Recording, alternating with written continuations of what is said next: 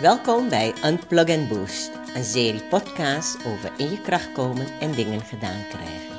Net als een voedingsadapter je apparaat oplaadt, verbruikt het ook energie. Wordt het te heet, dan trek je de stekker eruit. Hetzelfde geldt ook voor ons als mens. Soms raken we oververhit of is die tank gewoon leeg. Dan is het tijd om te resetten of even weer frisse lucht happen. Dit is Arsha de met een nieuwe aflevering van Unplug Boost. En je raadt het al, ook mijn aflevering gaat over de effecten van het coronavirus en waarom we onszelf alleen maar bullshit verkopen. Afgelopen vrijdag, toen de hele wereld en Nederland in de ban was en nog steeds is van het coronavirus, had ik een relaxed dagje. Althans, tot op zekere hoogte. Ik had een uitgebreide lunch van wel bijna drie uur met een goede vriendin. Genieten van vele kopjes lekker smakende muntthee met honing. En het werd nog meer genieten toen ik uh, mijn warm gebakken, volgens mij was het een waldkorn broodje wat ik had. Ja, klopt. Toen ik die kreeg met stukjes kip en pittige pindasaus die ik in mijn mond deed. En oh, wat smaakte die goed. Niet haastend, maar gewoon rustig de tijd ervoor nemen en genieten van elke hap. En natuurlijk ook aandacht geven aan mijn uh, vriendin.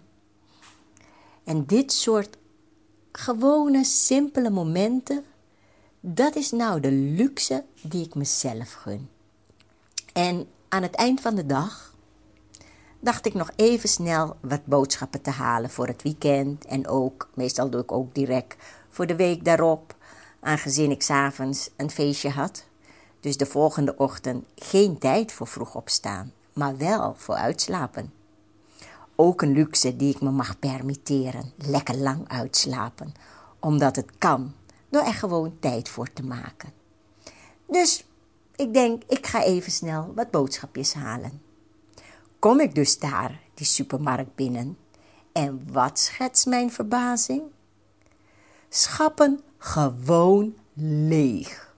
Geen brood, geen groente, geen fruit, geen melk, eieren, pasta, noem maar op. Gewoon helemaal leeg. Echt niet normaal. De laatste keer dat ik dit heb meegemaakt, dat was 30 jaar geleden in Suriname. Maar toen kreeg je nog bonnen, waardoor iedereen wat had. Ik wist, ik kan het mij ook nog echt goed herinneren, want we stonden daar, ik stond daar echt in de rij met mijn bonnen en ik had mezelf beloofd dat ik dit, deze armoede nooit meer zou meemaken. Nooit meer. En dan ben ik in Nederland. En dit, dit wat nu afgelopen vrijdag gebeurde. Nou, sorry hoor, maar ik vind dit gewoon ronduit asociaal. Echt zo egoïstisch. Het is echt zo egoïstisch om niet aan je medemens te denken. Om niet te denken aan die ouderen, aan de zwakkeren, aan jonge kinderen die het harder nodig hebben. En wat ik ook zo erg vind, is dat die winkeliers ook helemaal niks hebben gedaan. Die hebben niet eens een halt toegeroepen aan dat hele massaal hamsteren.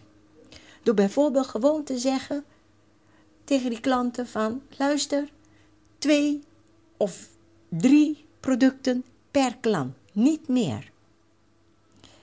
En wat ik ook nog heb begrepen, is dat men ook nog om een laatste blikje aan het bekvechten slaat. Echt, zo erg. En dit noemt zich nu een welvarend, ruimdenkend, vredelievend land waar onze kinderen in moeten opgroeien. Nou, sorry, maar shame on you all. Dan is Suriname arm ze daar ook mogen zijn, op dit moment is dat nu tig keer beter. Daar heb je tenminste volle schappen. Ook al kan niemand, uh, geen enkele burger kan die producten betalen omdat ze te duur zijn, maar ze zijn wel inventief. Want ze gaan back to basic, ze gaan hun eigen groenten en fruit verbouwen. En ze doen het ook gewoon met de weinige middelen die ze op dat moment hebben. En Nederland, een ontwikkeld land, waar men het heeft over nuchterheid, maar waar men gelooft dat wanneer er een epidemie uitbreekt, er ook een regelrechte hongersnood gaat optreden. Nou, laat me je vertellen, met twee weken, en voor mijn part doe je er, uh, je plakt er nog een maand of twee maanden uh, eraan vast. Maar wij kunnen het nog prima redden met het water uit de kraan en de voorraden die er in het gehele land en in die voedselbanken zijn. Want het is eigenlijk, zeg ik even heel simpel, moeder natuur die ons leert dat we bewuster moeten omgaan met al het overvloedige aan eten en dat we ook niet zoveel moeten verspillen. Dus ja, dan is het niet gek dat een externe factor, zoals het coronavirus, ons heel rationeel denkend systeem plat kan leggen. Maar weet je, het is jullie vergeven, want jullie weten niet beter. Van Hollandse nuchterheid is er dan ook geen sprake. Het is weer typisch een voorbeeld van hoe onlogisch irrationele wezens wij eigenlijk zijn. Dus steek de hand in eigen boezem als je weer eens een ander voor gek verklaart, omdat hij bijvoorbeeld de avond van tevoren in de rij staat voor de nieuwe iPhone of dat de dolle dwaze dagen eraan komen. Want je doet nu ook hetzelfde als een gek in paniek raken vanwege een virus. En begrijp me goed, ik zeg niet dat je niet voorzichtig moet zijn, dat je niet de nodige voorzorgsmaatregelen moet nemen, maar dit paniekerige gedrag is nergens voor nodig.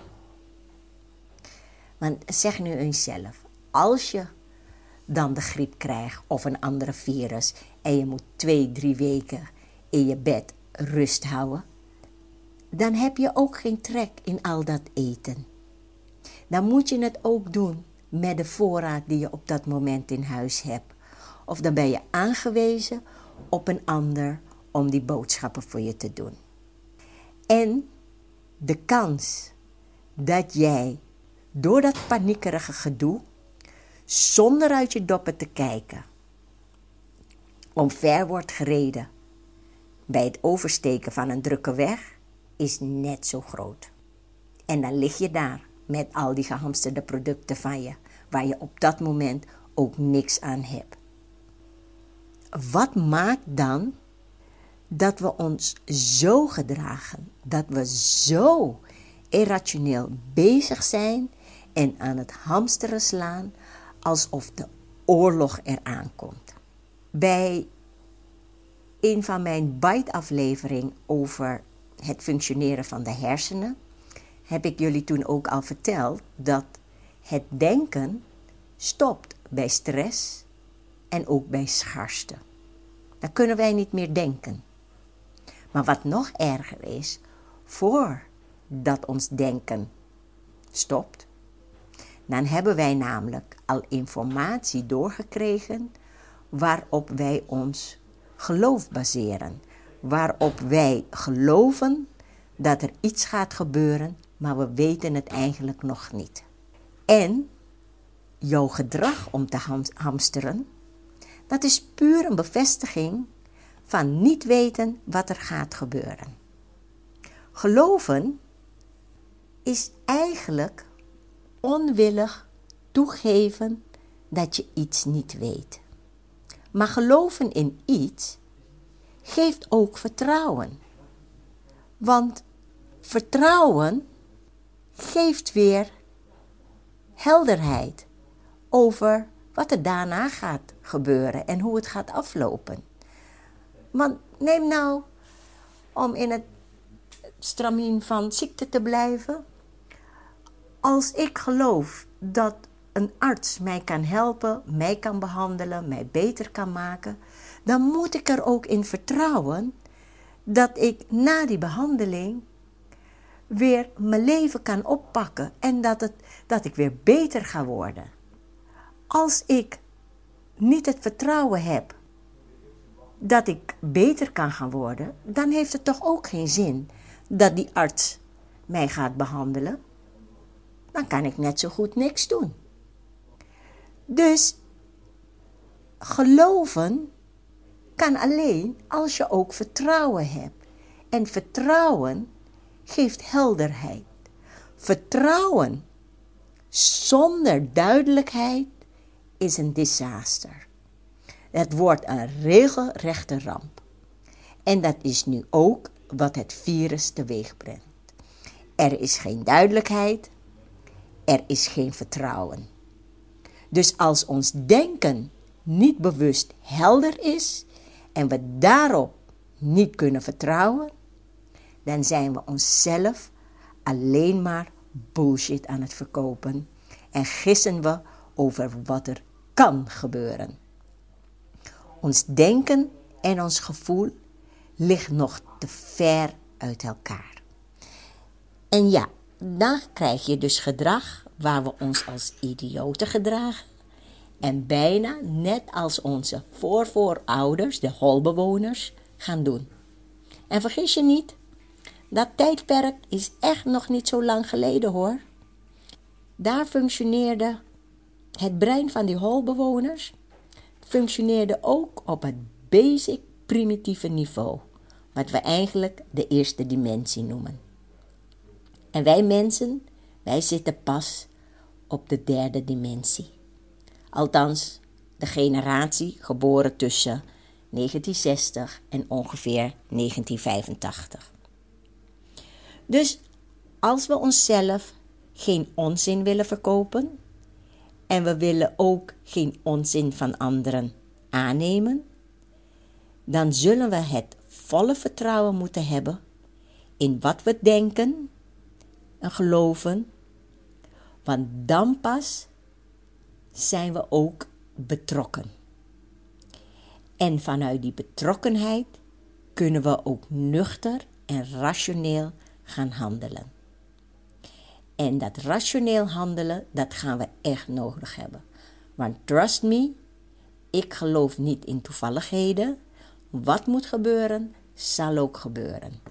En dan zeg ik ook altijd, dan kan je liever de wind in de rug hebben dan dat je tegen de wind in gaat lopen. En op basis daarvan, met de wind mee, ook rationeel handelen en denken. Want zeg eens, heb jij afgelopen weekend jongeren zo zien hamsteren? Heb je ze als een gek sigaretten, alcohol, chips, pizza's of whatever fastfood jongeren gebruiken, heb jij ze zien in grote getalen zien inslaan? Nee, want hun denken en hun gevoel zijn namelijk al op één lijn. Zij zitten al in een hogere dimensie. Voor jongeren praten de mind en het hart namelijk al dezelfde taal.